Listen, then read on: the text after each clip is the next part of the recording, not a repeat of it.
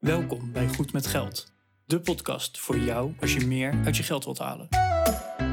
Je financiën op orde of eerder kunnen stoppen met werken? Schuif aan, want hier zijn we goed met geld.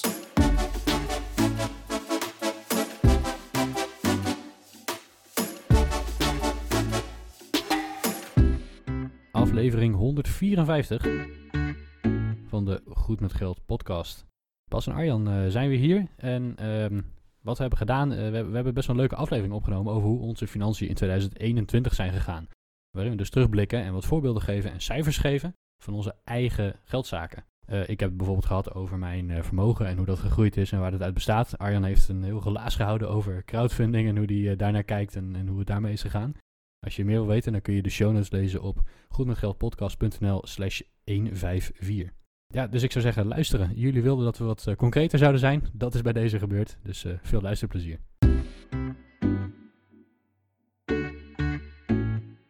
Goedemorgen Arjan. Hey Bas, goedemorgen. Hey. What's up? Nou, het is eh, op het moment van opnemen, het is 8 over 9, 23 december 2021. En het is de laatste keer. Ja, de laatste keer dat we dit jaar opnemen. Geen zorgen, volgend jaar gaan we gewoon weer door. Dit jaar inderdaad. Dit jaar. Maar het is inderdaad de laatste keer van dit jaar dat we op gaan nemen. Kerst staat voor de deur. De koelkast bij ons staat echt al vol met lekkere dingen, wijn en nou, noem maar op. Hè. nice, nice, nice. Maar ja, dan krijg je toch een beetje het, het terugblikken hè, van hoe, eh, hoe is het jaar gegaan. Mhm. Nou, de- ik weet de luisteraars die hebben ons intro-stukje natuurlijk al braaf geluisterd en de titel ook gezien, hè, onze financiën in 2021.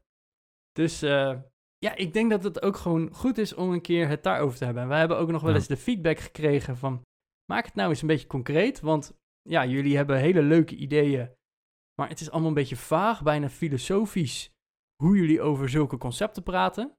Dus eigenlijk gaan we deze aflevering proberen wat meer inzicht te geven in onze financiën. Ja. En dat is niet precies van ik verdien dit bedrag per maand en eh, mijn vermogen is nu eh, dat bedrag. Eh, als je daar nu op wacht, dan uh, dat gaat gewoon niet gebeuren. Maar ik denk dat we zeker wel. Tipje van de sluier kunnen oplichten. Ja, en, en ook gewoon hè, van waar staan we nu bijvoorbeeld in onze reis naar financieel onafhankelijk? Of ja, hoeveel, hoeveel procent op zijn minst is ons vermogen gegroeid? En ten opzichte van de beurs, ten opzichte van uh, crowdfunding bijvoorbeeld. Nou, hè, noem maar op. Dus ja. al dat soort dingen gaan we in de aflevering vandaag benoemen. En ik vond het eigenlijk ook wel heel leuk om dit ja, even op te zoeken en uit te zoeken. Want dat is toch een beetje van, ja, hoe, hoe is het jaar nou eigenlijk gegaan? Dus um, ja, Bas, laten we gewoon maar eens van wal steken. Is jouw vermogen gestegen of gedaald dit jaar? Uh, mijn vermogen is gestegen en best wel, uh, best wel goed ook. Ja.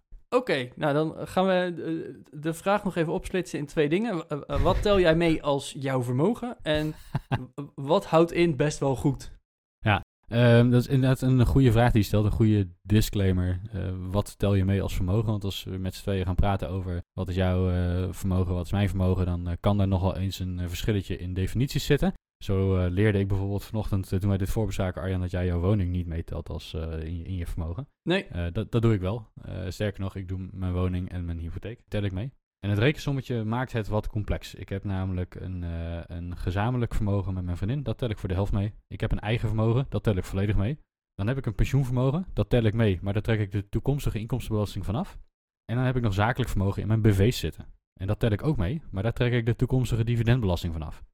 Waarom doe ik dat nou? Het lijkt me vrij uh, recht toe recht aan. Mijn eigen vermogen, datgene wat op mijn spaarrekening staat, wat op mijn beleggingsrekening staat. En het appartement dat ik bezit en verhuur. Die tel ik 100% mee in mijn eigen vermogen. Dus in dat getalletje dat onderaan de Excel-sheet staat, daar zit het volledige stuk van mijn eigen privévermogen in.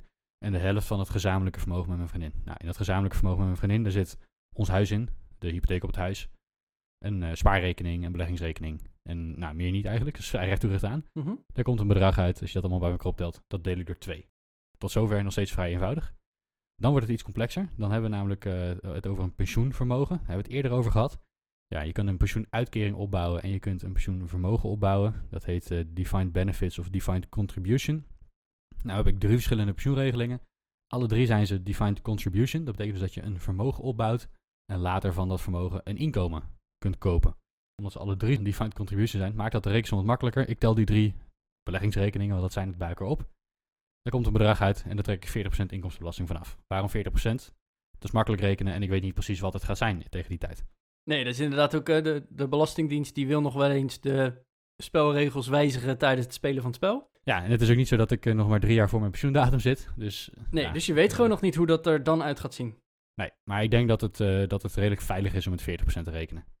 Je kunt namelijk zeggen van ja, weet je, mijn, mijn pensioenvermogen is uiteindelijk een bepaald inkomen waard. Hè, want je kunt, nou, ja, afhankelijk van de rentestand, tegen die tijd een uitkering kopen van dat vermogen. Ja. Ja, als je, dat, eh, als je dan vanuit die uitkering ga je een, eh, een stukje inkomstenbelasting betalen. Nou, hoeveel dat dan ook mag zijn, geen idee. We doen voor het gemak die 40%. Ehm, en dan, dan zou je dus kunnen terugrekenen met ja, die uitkering na belasting is een bepaald vermogen waard. Nou, dan kan ik net zo goed zeggen dat vermogen is nu met aftrek van belasting iets waard. Is die rekensom helemaal zuiver? Nee, waarschijnlijk niet. Maar het geeft een indicatie. En tot slot, eh, eh, mijn bedrijf. Ik heb, eh, ik heb twee BV's waar vermogen in zit. Want er staat geld op de bank. En nou, ik vind dat is in ieder geval, er, zit- er, zit, er zit waarde in die BV's. Ja. Die tel ik ook mee in mijn eigen vermogen. Maar daar trek ik wel eerst nog de toekomstige dividendbelasting vanaf. Die is op het moment eh 26,9% gemiddeld. Als je maar de dividendbelasting in het bedrijf en dan de box 2 belasting in privé bij elkaar optelt, dan kom je op 26,9% uit. Nou, dat, dat, dat dus. En dat allemaal bij elkaar, dat leidt dan uiteindelijk tot een bedrag, tot een getalletje. Ja. En ik ga het getalletje niet exact noemen, dat vind ik niet zo, eh, dat doet er niet toe. Eh, maar voor de orde grootte is het denk ik wel, eh, kan wel eens interessant zijn. Hè? Waar hebben we het dan over? Dan hebben we het over een bedrag tussen de kwart en een half miljoen euro op dit moment. Zo. Kan je dan een, een indicatie geven ook waar de grootste bulk in zit? Want dit, dit bedrag is echt gigantisch, hè? ergens tussen een, een kwart en een half miljoen. Z- Zit 90% in je aandelen? Of je hebt een eigen bedrijf, je huis telt mee. Zit misschien wel de helft van het bedrag gewoon in de stenen op dit moment eh, van, van je panden? Ik denk dat het grootste gedeelte in het bedrijf zit uiteindelijk. Oké, En het grootste gedeelte, dat is niet, eh, niet, niet meer dan de helft. Dat, dat niet.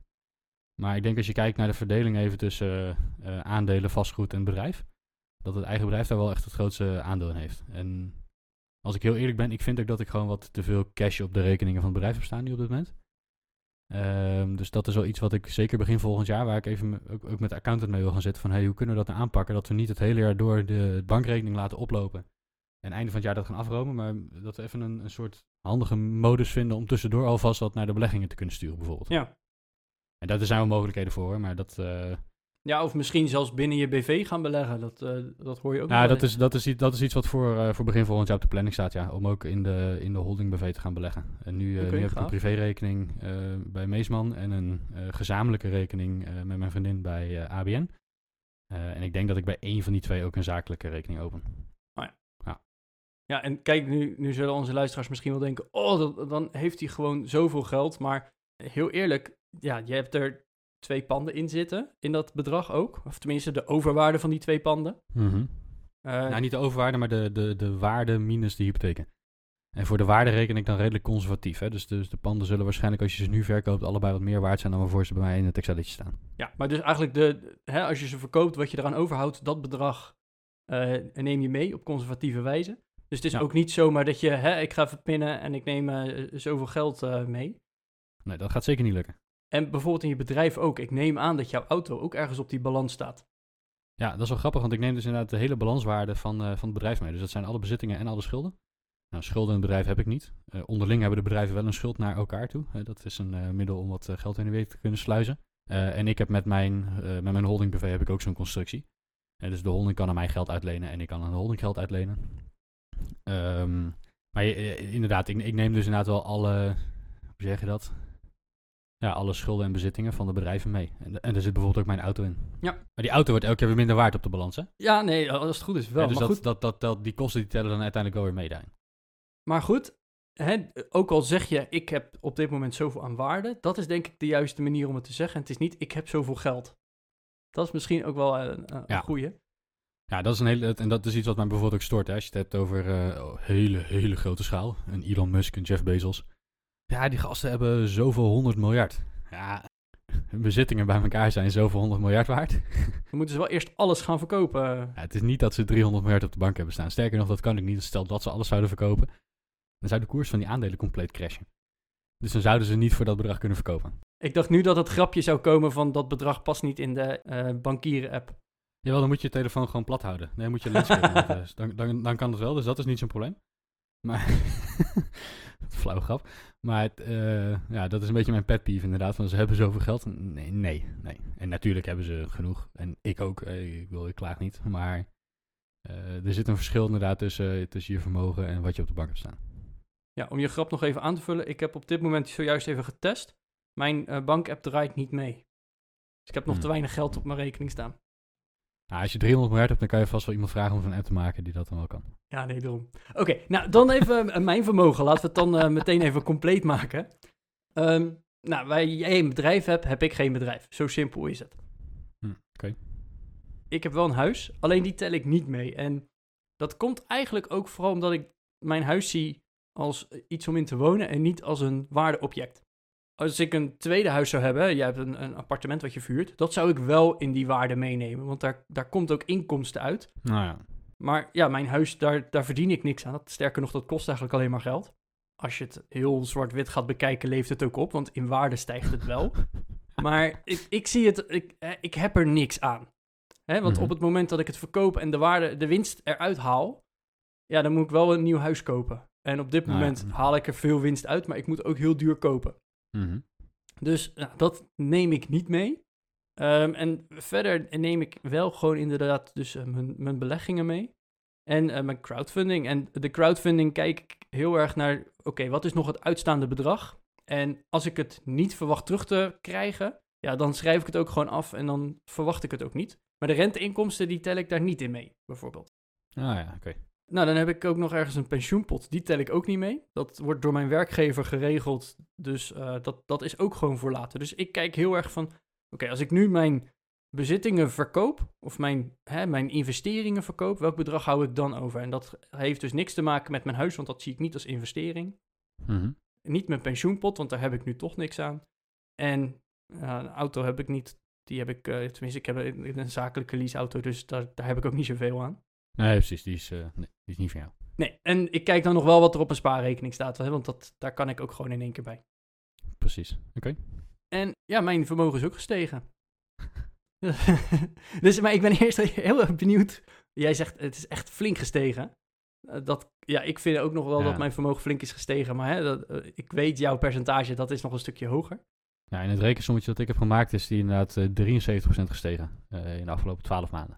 Zo, 73 procent. Ja, en om- omdat we dit jaar, eh, we nemen nog in december op, dus ik heb de decembercijfers heb ik eigenlijk nog niet meegerekend. Dus ik, ik reken al van december tot en met december. En niet januari eh 21, maar ik reken dus vanaf december 2020 Ja. eh, tot, de, tot december 2021. Dus dat is wel 12 maanden, maar niet, niet precies dit jaar.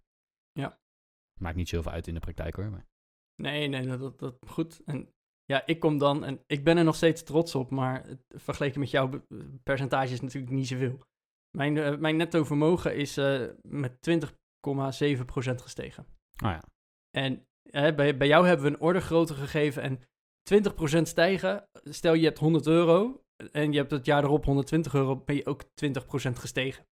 Nou, 20 euro meer, dat is niet zo heel veel natuurlijk. Dat, dat lukt de meeste hopelijk wel. Mhm. Dus om je een beetje een, een ordegrootte te geven. Ik ga niet zeggen van hé, hey, het is eh, 2 ton, 3 ton, 1 ton, 20.000. Maar om je even een ordegrootte te geven. Ik probeer op mijn 50ste financieel onafhankelijk te zijn. En daar heb ik een bedrag voor in mijn hoofd. Dat is 625.000 euro. Dat heb ik trouwens ook, daar gaan we het zo nog even over hebben, heb ik dit jaar pas uitgerekend hè, wat, hoe, dat, hoe dat verder gaat. Maar goed, die 625.000 euro, die wil ik op dat moment hebben. En ik heb dus voor mezelf een lijstje gemaakt ook van, oké, eh, ik, ik ben op mijn eh 25ste begonnen. Hoe ver zou ik nu moeten zijn om op dat moment dat bedrag te halen? En dat gaat dan met een eh 6% rendement waar ik van uitga, plus een stukje opbouw. En daar zit ik gewoon nog redelijk op schema. Ik, ik liep een beetje achter aan het begin van dit jaar. En ondertussen zit ik op 96% van het bedrag wat ik op dit moment zou moeten hebben. Nou ja. Dus het, het, het is inderdaad wel veel meer dan 20.000 euro. Eh, want ik ben al zes jaar bezig. Ja, is het dat, eh, dat, je, dat je dus inloopt zeg maar, op je doel als het ware? Is dat dan omdat je eh, meer geld gespaard hebt? Of is dat omdat je meer rendement maakt dan je verwacht had? Of hoe, hoe moeten we dat zien? Eh, nou, een, een combi van beide. Aan de ene kant heb ik inderdaad meer rendement gemaakt dan ik verwacht had. En aan de andere kant heb ik ook gewoon meer gespaard dan dat ik verwacht had. Eh, daar komt natuurlijk ook corona om de hoek kijken, dat je dingen toch anders doet, vakanties worden anders, nou, noem maar op. Plus ik geef ook gewoon überhaupt niet zo heel veel uit. Dus het, het is een beetje een combi van beide. Oké. Dat is wel, eh, nou, in, in ieder geval lekker bezig. Dat, eh, dat sowieso. Ja, En nou, nou moeten we daar wel een beetje de kanttekening bij plaatsen. Hè. We hebben natuurlijk ook een jaar gehad waarin het ehm, nou, voor veel mensen die gewoon hun werk hebben kunnen behouden, makkelijker was om te sparen. Kijk, als je je werk weer kwijtraakt, is dat natuurlijk vervelend. Eh, als je je werk hebt behouden, eh, maar het halve jaar zijn de kroegen dicht geweest en kon je niet op vakantie en weet het allemaal. Ja, dan, dan is het ietsjes makkelijker natuurlijk om te sparen. Ja. En daarbij komt ook dat de beurzen het gewoon ontzettend goed hebben gedaan. Hè? Dus je moet niet vergeten, eh, en in mijn geval ook vastgoed. Ja. Dus je moet ook niet vergeten dat daar eh, best wel aardige rendementen gemaakt worden op dit moment. Eh, ik geloof VWRL een procentje of 25, Arjan? Had jij hem al nou, ik, opgezocht? ik heb het opgezocht. En heel eerlijk, ik investeer gewoon alleen maar in VWRL. Gewoon elke maand koop ik bij en daar stopt het. En dat is een behoorlijk breed gespreid mandje. Dus eh, dat is ook wel een beetje de, de algemene gang, heb ik in ieder geval het idee van de hele beurs. Ja. Op, eh, op 1 januari stond hij in euro's op eh, 86,32 euro. Mhm. En nu, eh, 23 december, dus bijna het jaar rond. Maar goed, dat, hè, de- er zit echt wel een stijgende lijn dit jaar al in. Zitten we op 107,56 euro. Net voordat de beurs opende. Dus dat is een, eh, een plus van 21,24 euro. Ja, daar moet je eigenlijk nog een beetje dividend bij optellen. Ja, dat sowieso. Maar goed, eh, laten we het gewoon over de, de stijging hebben van het bedrag aan zich. En dat is dus al 24,6 procent. Ja. Ik moet eerlijk zeggen, ik heb niet precies berekend wat, eh, wat de dividend deed. Ik denk, ik denk dat in deze periode dat er drie dividendbetalingen zijn geweest. Eh, de vierde staat klaar. Ja, maar de vierde wordt vaak in januari betaald. hè? Nee, ja, het, het hangt er een beetje wisselt- op. Dat wisselt een beetje, hè? Maar laten we zeggen dat er nog een keer een eurotje of anderhalve euro dividend is uitgekeerd. Dat zou me niks verbazen. Als het in die orde is. Nee, volgens mij was het wel 2 euro. Ja, moet je kijken wat een rendement dat dan, eh, dan uiteindelijk is, hè? Ja. Dik boven de 25%. Ja, makkelijk. Eh, en, en voor vastgoed geldt dat ook, hè? Om even een, eh, een voorbeeld te geven. Ik kan zeggen, ja, Bas is heel veel rijker geworden dit jaar. Nou, dat, dat is ook wel zo. Tenminste, als je het Excelletje ziet als rijkdom, dan, dan is dat zo. Eh, even rekenend, ik heb zo'n, nou, wat zal het zijn? Wat er op mijn eh, Excel-sheet staat. 6,5 ton. Tussen de 6,5 en 7 ton aan vastgoed. En daar zit zo'n eh zo'n 5, ja, een goede 5 ton aan, eh, aan financiering op. Ja, dus dan heb je, nou wat is het? Ik moet niet meer aan publiek hoofdrekening doen. Dat gaat echt heel slecht. Mhm. Eh, gelukkig heb ik een rekenmachine hier voor mijn neus. Als ik eh 500 even deel door eh 650. Even makkelijk rekenen, dat zijn niet de exacte bedragen. Dan kom je uit op eh 77% leverage. Nou, laten we even voor het gemak 75% leverage nemen. Als, eh, als rekenvoorbeeld. Stel dat eh, vastgoed dit jaar 15% meer waard is geworden. Dan heb ik dus een 15% waardestijging over het volledige bedrag. Over 650.000 euro. Even als, eh, als rekenvoorbeeld. Ja. Dat is best wel fors, hè? Dat is, dat is veel geld. Als we dat even doorrekenen, is dat bijna een ton. Dat is 97.000 euro. Nou, dat is iets meer dan 75%. Laten we zeggen dat er een ton aan waarde bij is gekomen. Maar het uiteindelijke werkelijke vermogen wat, waar ik mee begon, was maar iets van anderhalve ton of zo. Hè, want er zit ook een stuk financiering op. Dus op die anderhalve ton is er een ton bijgekomen aan waarde. Dat, dat, is, dat is wat leverage met je doet, met je, met je rendementen doet. Dat is een enorme hefboom. Hè. Het wordt ook vaak een hefboom genoemd. Dat, dat is natuurlijk ook, dat zie je in dit voorbeeld. Ja, dus dat, dat helpt natuurlijk mee als je zegt van ja, een stijging van 73%. Ja, deel- deels zit er natuurlijk een inkomen in. Eh, deels zitten er ook gewoon de beurzen in die 25, 26% doen. En deels zitten er ook eh, vastgoed in dat, dat met leverage gewoon echt eh, enorme rendementen maakt. Ja, want eh, laten we het even een- een- nog een keer rustig benoemen. Stel, jij hebt inderdaad dus voor een, een 150.000 euro zelf geïnvesteerd in vastgoed.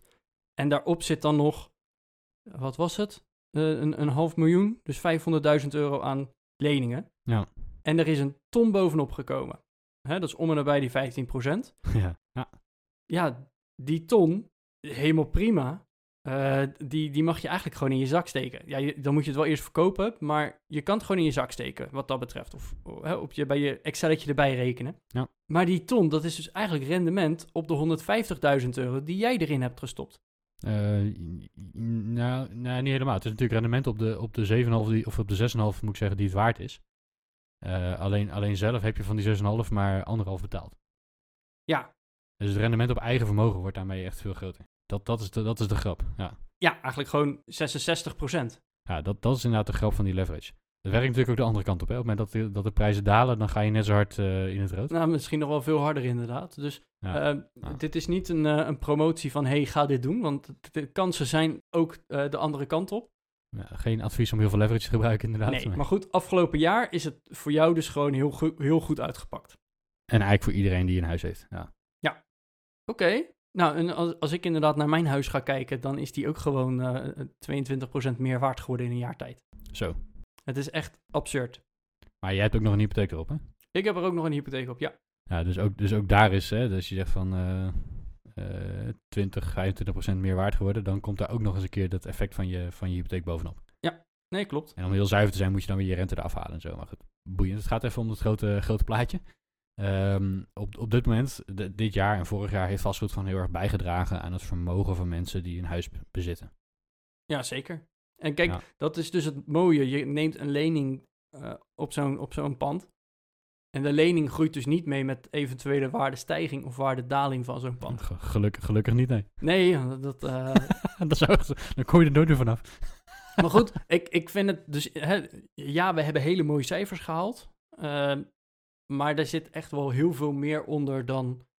eh, hè, gewoon eh, een plus zoveel. We hebben keihard gewerkt en heel dik gecashed. Nee, eh, dat toevallig dat pand ook heel veel meer waard is geworden. Hè? Of dat de beurzen gewoon met 25% zijn gestegen afgelopen jaar. Ja, dat, dat zit daar ook gewoon in bij. En voor hetzelfde geld, volgend jaar daalt de beurs met 20%. Kan zomaar Ja. gebeuren. Ja, dan staan we ook gewoon dik in het rood.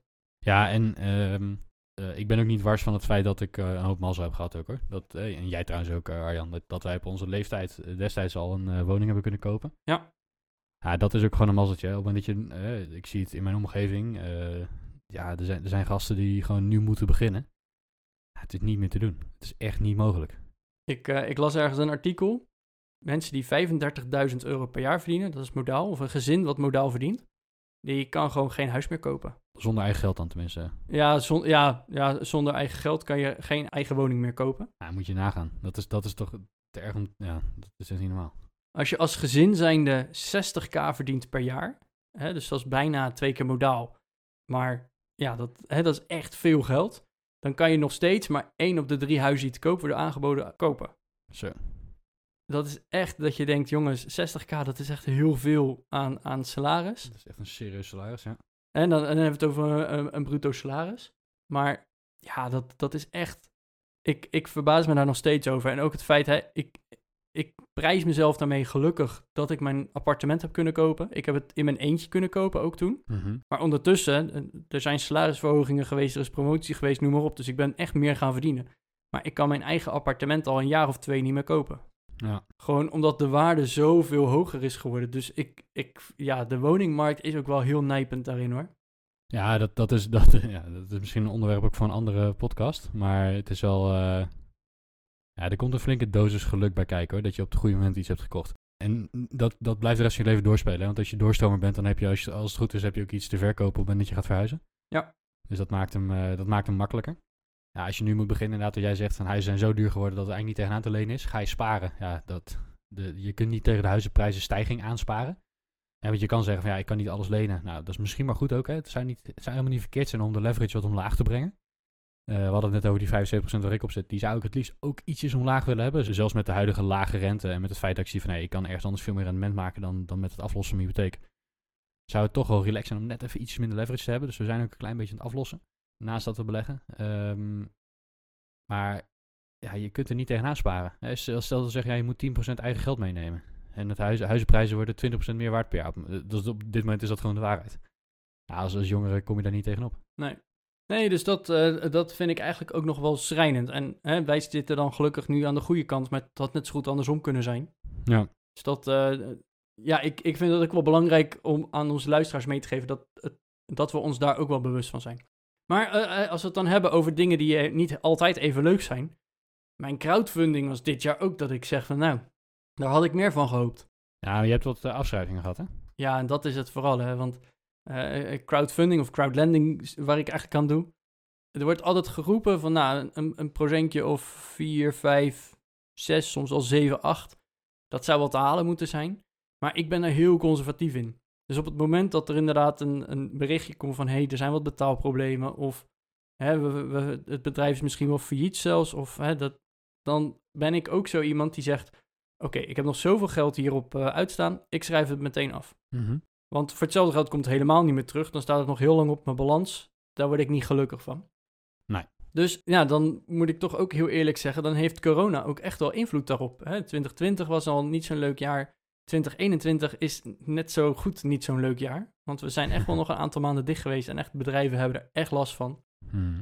Ehm, dus ik, ik kom nu eh, op een, een verwacht rendement dit jaar van 3,6 procent. Oh ja. Nog steeds, hè, vergeleken met een spaarrekening, is dat echt helemaal niet verkeerd. Mhm. Maar dit geeft wel weer ook zo'n extra teken aan mij van, joh, ehm, het is wel goed om crowdfunding op zijn minst niet groter te laten worden dan het op dit moment is. En zeker in percentage verhouding naar mijn eh, beleggingen toe, Mhm. om het echt wel te laten slinken.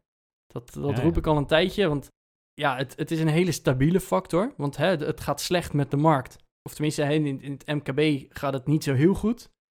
En nog steeds haal ik dit rendement eruit. Stel dat de, de beurzen echt gigantisch crashen. Dan hoeft het niet meteen te zeggen dat die, dat die hele crowdfundingmarkt ook inklapt. Of hè, alle, alle, er zit best wel wat vastgoed ook in, bijvoorbeeld. Dat dat ook helemaal inklapt.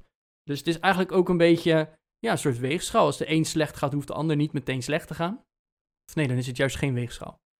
Nou ja, ehm, het maakt niet uit. We moeten, hè, de, de tweede keer dat we het deze keer zeggen, we hoeven geen, eh, geen hoofdrekenen te doen. nee, eh. maar het, het zorgt voor een, een, een stabiele cashflow ook. En dat vind ik nog steeds wel fijn. Ja, ja, en los daarvan is het ook een stukje diversificatie. Hè? Want Ja. eh, de, de, de, de correlatie tussen aandelen en eh crowdlending is niet helemaal 100%. Dus er er zal waarschijnlijk wel een correlatie zijn. Hè? Want als het heel erg kut gaat met de economie, dan zullen er ook bedrijven zijn die jouw leningen niet meer kunnen terugbetalen. Dus er zal zeker een correlatie zijn. Ja, of vastgoedprijzen die dan dalen opeens en eh, al dat soort dingen, ja. Ja, daarom. Dus het is ook niet zo dat, ehm, het, is niet zo dat het tegen, eh, tegen elkaar inbeweegt en dat het daarmee een hele goede diver- diversificatie is. Dat is niet zo. Maar, maar de correlatie zal tussen de 0 en de 1 liggen, verwacht ik. Als die min 1 is, dan bewegen ze tegengesteld. Dus die 1 is bewegen ze exact gelijk. Hè? Dus eh, ik verwacht dat ze ergens eh, tussen de 0 en de 1 zouden liggen. Eh, dat betekent natuurlijk wel gewoon dat op het moment dat de beurzen even dippen, maar dat er geen onderliggende problemen in al die bedrijven zijn, ja, dan heb jij daar helemaal geen last van in je rendement. En dat, dat dempende effect is best, best wel fijn om te hebben in je portefeuille. Ja, en inderdaad, hè, er, er zit een cashflow in. Dus ik krijg elke maand een stukje aflossing Ja, en krijgt eh, gewoon een vaste rente. Ja, rente betaald. Ja. Dus dat, maar goed, ik, ik zat dus, ik, ik weet niet precies meer wat, ik, wat, de, wat de verhoudingen waren. Maar ik zit ondertussen op, ik geloof, 48 om 52 procent. Dus eh, 48 crowdfunding en eh, 52 Hm. in de beurs. Waar, waar zou je naartoe willen? Ja, daar, dat weet ik dus ook gewoon nog niet. En dat vind ik gewoon nog heel lastig. Ik merk gewoon dat het, het kost me relatief veel werk vergeleken met de beurs. Mhm. Ehm, plus, ik heb nog zo'n bedrag bij elkaar te sparen, wil ik inderdaad financieel onafhankelijk kunnen worden. Mhm. Eh, dan, dan lonkt de beurs wel eh, om daar heel veel groter in te worden. Dus op dit moment heb ik inderdaad van, ik hou het stabiel. Ik, gooi, ik doe er geen nieuw geld meer in. En eh, alles, alles wat ik nu nieuw inleg, dat gaat richting, richting aandelen. Ja, je kan, je kan dan een keer wel stellen dat je op de hele lange termijn de verwachting mag hebben dat bezit van iets meer rendement oplevert dan het uitlenen van geld aan iemand die iets wil bezitten. Ja.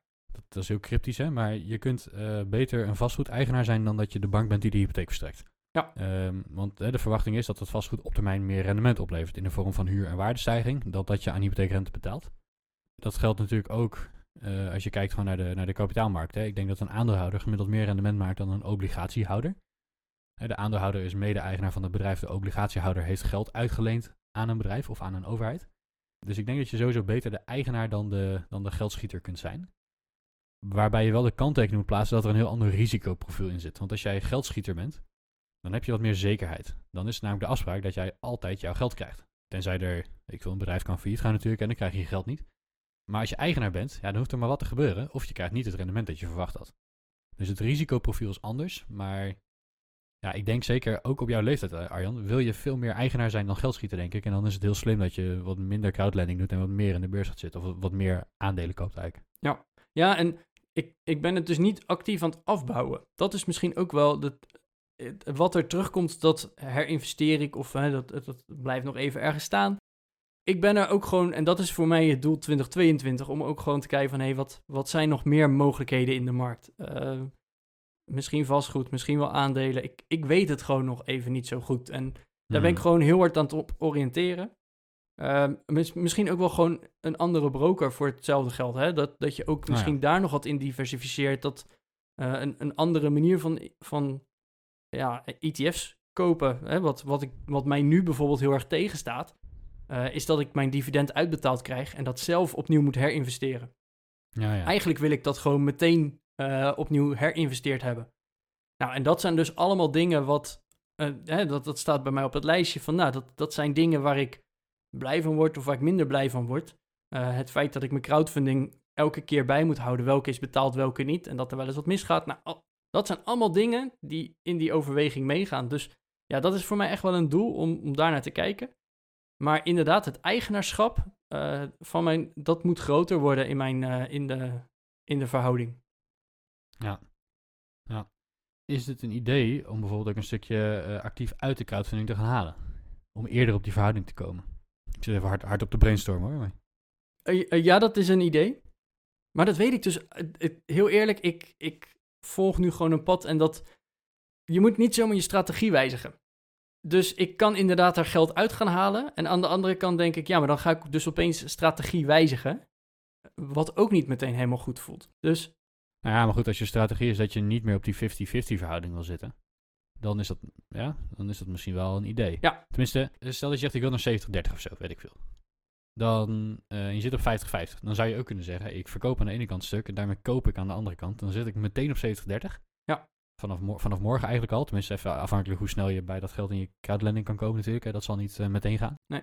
Dan kan je eh, relatief snel op die 70-30 zitten. En vanaf dat moment ga je gewoon weer je nieuwe geld, wat je spaart elke maand, 70-30 verdelen. Ja. Plaats van dat je zegt van ik ga nu eh, stoppen met de crowdlending inleg en ik ga al mijn inleg in de aandelen stoppen.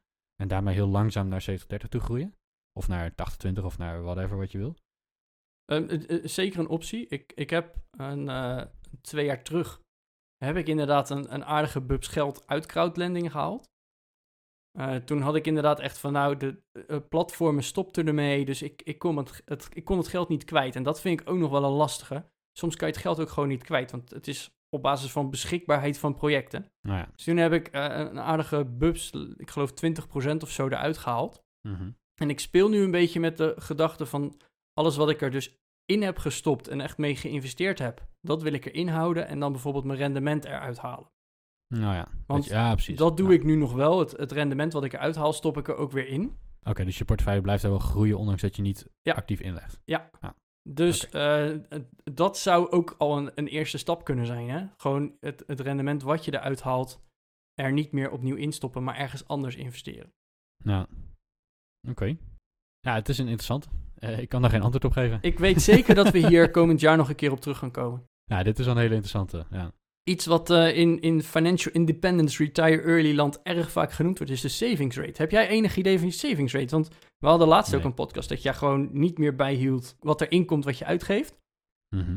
Heb je daar nu nog wel inzicht op? Of eh, is dat helemaal Nee. weggevaagd? Nee, echt totaal geen idee. En ehm, de reden dat ik het heb losgelaten is dat het in mijn situatie gewoon heel moeilijk te berekenen valt. Ook door je eigen bedrijf neem ik aan. Ja, want wat, wat is mijn... Eh, voor een savings rate heb je twee dingen nodig. Hoeveel geld heb je aan inkomen? Mhm. En dan, dan krijg je al de discussie, wat is inkomen? Is, is rente die je ontvangt bijvoorbeeld ook inkomen eh, of rendement? Nou, ik zeg van niet. Is het dan de huur die je ontvangt uit je verhuurde woning ook rendement? Eh, Ik vind van niet, anderen wel. Dus daar zit al een, eh, een, een discussie in. Dus ook als je gaat vergelijken, eh vergelijken we op dezelfde berekening.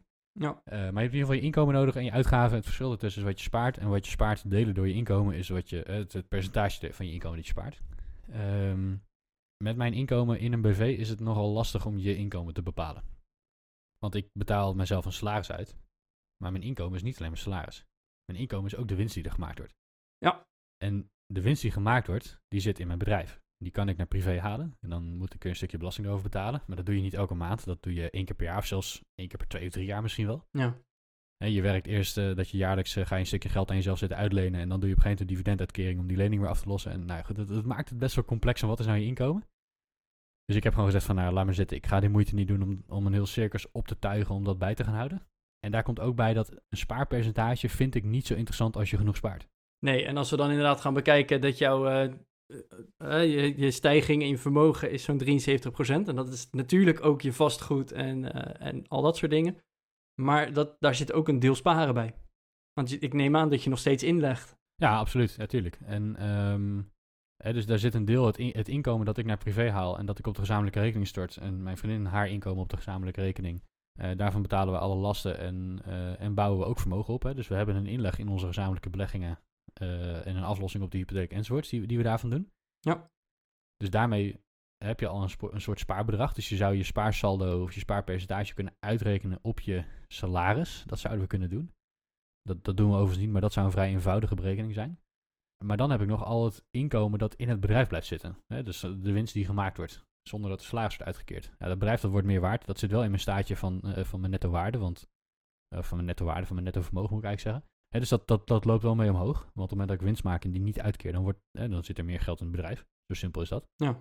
Maar ja, hoe ga je dat dan weer meerekenen in je spaarpercentage? Ik, ik weet het niet. Ik vind dat lastig. Dus, eh, dus doe ik het mee. De som is te lastig, dus we stoppen ermee. Nou, dat en, en het kan heel. Ja, ik heb de afgelopen jaren heel eh, trouw mijn eh, inkomen en uitgaven bijgehouden. Zeker toen ik net begon met vermogen opbouwen. En dan is het heel nuttig, omdat je dan in één keer ziet van hé, mijn spaarpercentage gaat omlaag. Hoe komt dat nou eigenlijk? Ja. Dus het is heel nuttig om je een beetje op het rechte pad te houden, als het ware.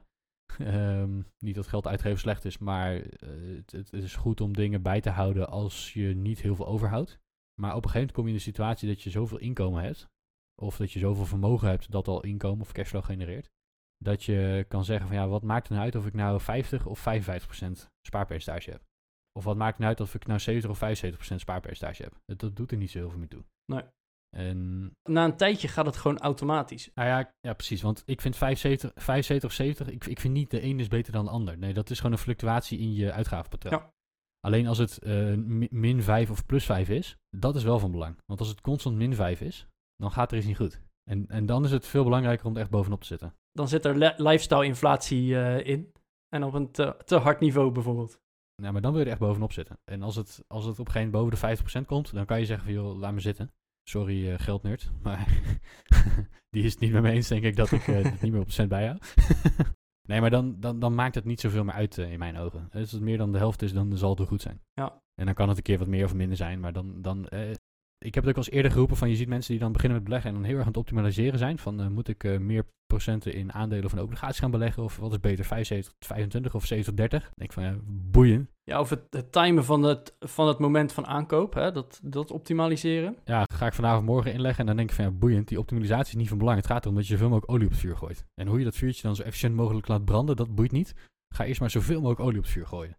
Want dat is veel makkelijker, zeker als je net begint. Kijk, als je tonnen aan belegd vermogen hebt, dan is dat heel moeilijk. Maar als je 5000 euro eh, op je beleggingsrekening hebt staan, is het veel makkelijker om er nog een keer 5000 euro bij te doen dan om die 5000 euro als rendement te pakken. Ja. ja dus dat optimaliseren, ja, weet je, dat hoeft gewoon niet zo voor mij. Nou, dit gezegd hebbende, ehm ik ga ook niet pre- mijn precieze percentage geven. Maar ik ga wel meedelen dat ik al jaren, en ik geloof dat dat echt al, al drie jaar is, geloof ik, eh, zo rond de 30% savings rate zit. En daar ben ik eigenlijk best wel blij mee. Het jaar daarvoor, eh, kan ik ook wel vertellen, toen zat ik, ik geloof op maar, hè, maar 11%. Dat is eigenlijk heel slecht dat ik dat maar noem, want 10% savings rate Hmm. is natuurlijk nog steeds heel netjes. Hè? Dat je gewoon 10% van, jouw van jouw inkomen overhoudt. En die dip kan ik nog verklaren ook, want ik, wa- ik heb toen een huis gekocht en ik ben gaan verhuizen en ik heb verbouwd en noem maar op, nieuwe meubels gekocht. Dus eh, vond ik ook geen hele rare dip. Ik kon hem helemaal verklaren. Maar ik zit dus eigenlijk ja, al, al een paar jaar op nou, zo'n rond de 30%. En dat is ook gewoon prima. En het gaat er niet precies om of je eh, 10 euro meer uitgeeft of 10 euro minder uitgeeft dit jaar. En dat vind ik dus nog wel fijn. Ik houd dus echt al wat jaren bij. Als je maar inderdaad kan zien dat het over de jaren een beetje gemiddeld blijft. Want wat jij zegt, als het elke keer min 5 is, dan moet je wel even serieus gaan kijken van... hé, hey, hoe komt dat nou? Ben je bijvoorbeeld minder gaan verdienen? Of ben je veel meer uit gaan geven? Maar Mhm. ja, als het een beetje stabiel is, dan is het ook gewoon prima. Ja, dat betekent niet dat je alles lo- los moet laten natuurlijk. Hè. Het is wel goed om af en toe even eh, eh, te checken van eh, hoe, loopt dat nou en, wa- en waar zitten nog zaken in. Grote zaken optimaliseren is ook weer de 80-20 regel. Hè. Grote zaken pak je meteen op in vrij weinig tijd. En dat, dat levert heel veel op in verhouding. Ja, daarna zal het wel weer goed lopen. Nou, sterker nog, ik heb dus met één blik heb ik kunnen zien, oké, rond de 30 prima. Ja, Die laatste 20% optimaliseren, hè, waar komt het verschil vergeleken met vorig jaar nu vandaan? Dat kost echt wel heel veel langer dan die ene blik, oh, het is ongeveer oké. ja precies. Om het, eh, Ja. Dat is echt in het extreme, maar het klopt dus wel. Ja, nou was ik, eh, nou heb ik een beetje een achtergrond in, in data-analyse en zo. Dus dan, mijn beroepsdeformatie heeft mij ertoe gezet dat ik destijds, toen ik nog alles op cent bijhield, die analyses geautomatiseerd had. Dus die vertelde mij precies van, het komt daardoor. Ehm, dus dan kon je met één, met één blik kon je alsnog wel een beetje zien wat, wat de drivers achter de verschillen waren, zeg maar. Komt er dan ook echt een melding in je Excel naar boven? Bas, je hebt te veel gezopen in de kroeg? Eh, nee, maar wel eh, ehm, het verschil tussen vorig jaar en dit jaar, het was, eh, weet ik veel, het was van eh, 30% naar 27% eh, gedaald. En dat komt door de wijzigingen in deze en deze en deze categorieën. En dan, Ah, ja. dan kan je doordrillen. En Ah, dan. Ja, dus dat, dat geeft best wel heel veel inzicht. En heel snel zonder dat je daar echt moet induiken. Hè, want dat staat gewoon voor je klaar. Ja. Maar ja, goed. Het, eh, ik, ik vind het voor nu niet meer nodig. Als het loopt, dan loopt het. En eh, ik, ik denk ook, het is voor iedereen anders hoor. Maar ik denk dat het in mijn situatie ook veel gunstiger is om gewoon heel hard bezig te blijven met mijn bedrijf. En daar gewoon zorgen dat ik, als ik dat kan laten groeien, eh, dan levert dat denk ik meer op dan als ik die tijd besteed aan het eh, optimaliseren van het spaarpercentage. Oh, dat, eh, dat denk ik zeker. Hè, dan maakt het niet uit als je 1% meer uitgeeft, als je ook 2% meer verdient. Dus nou, dat, dat effect een beetje. Oké. Heel eerlijk, ik denk dat wij op dit moment gewoon al heel veel van onze financiën in 2021 hebben gedeeld. Ja. Hè, we, we zijn allebei gestegen, hoeveel, eh, waar het door komt. Ook wel heel belangrijk. Eh, een stukje vooruitgekeken. Ik wil ook nog even, en ik weet de podcast duurt al eh, een goede 40 minuten, dus ik wil toch nog heel even kort terugblikken op onze podcast en de uitbreiding daarbij. Oké. Want, en ik, ik weet niet of onze luisteraar dat gemerkt heeft en of onze show notes heel goed gelezen worden. Maar eh, de show notes worden niet meer geschreven door Bas. En het mix wordt niet meer gedaan door mij, maar dat eh, wordt beide gedaan door Mark. Ja. En daar zijn we echt super blij mee. Want eh, ja, Mark die heeft ons gemaild van hey, jullie waren op zoek naar iemand erbij. Ik ben iemand erbij. Ja. En ja, dat, dat, ja, ik moet heel eerlijk zeggen, ik vind het ten goede komen van onze podcast, Bas. Want eh, we, hebben nu tijd om eh, interviews meer voor te bereiden. We hebben tijd om überhaupt meer interviews te regelen. Om eh, hè, goed in te lezen.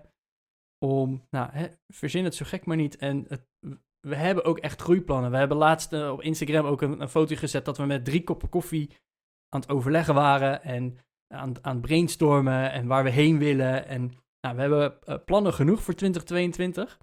Dus ik, ik vond dat eigenlijk nogal even een, een eh, benoemenswaardig iets. Als we dan toch terugblikken op afgelopen jaar.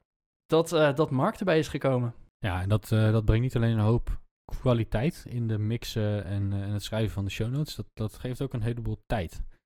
En naast kwaliteit vind ik tijd ook heel belangrijk. Dat betekent dat Arjen en ik weer bezig kunnen zijn met andere zaken. Hè, om deze podcast te laten groeien en, en beter te maken.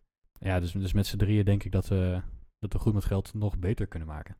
Ja, en dan vooruitblikkend op eh, 2022. Wij hebben dus genoeg, genoeg gave ideeën. Maar beste luisteraar, als jij nou zegt van... hey, Bas en Arjan allemaal leuk en aardig, maar... Ik, eh, ik wil nog over dit onderwerp iets weten. Of die ene gast moet je echt hebben. Of dit bedrijf. Voor hetzelfde geld werk je voor een super gave start-up. En wil je graag te gast zijn bij ons. En eh, wil je deze podcast mede mogelijk maken door een aflevering te sponsoren. Kan ook, hè? Ehm, ja, neem dan ook vooral contact met ons op. Dat kan eh, via Instagram door een bericht te sturen, uh, goed met geld. Maar dat kan ook via ons contactformulier, goedmetgeldpodcast.nl slash contact. En laat het gewoon weten, want ja, wij, wij zijn al bijna drie jaar bezig. Wij zijn het nog lang niet zat, we hebben nog genoeg ideeën. Maar ik weet ook zeker dat jij als luisteraar zoveel gave extra input kan geven en leveren om deze podcast nog net een treetje beter, mooier en gaver en leuker, nou, noem maar op, te laten zijn. Dus heb je een idee en ook al is het maar iets vaags of zo, uh, schroom niet om gewoon contact op te nemen, want ja, wij zijn sowieso blij met alle complimenten, maar ook gewoon met alle gave ideeën die jullie ons aanleveren. En daarmee gezegd hebbende, uh, denk ik dat wij een, uh, ja, een heel mooi 2022 tegemoet gaan zien. Met uh, ja, meer gasten misschien dan jullie gewend zijn. Uh, en dat zorgt voor een veel bredere kijk op persoonlijke financiën. En dat maakt het dus mogelijk dat wij heel Nederland goed met geld maken. Tot volgende week. Tot volgende week.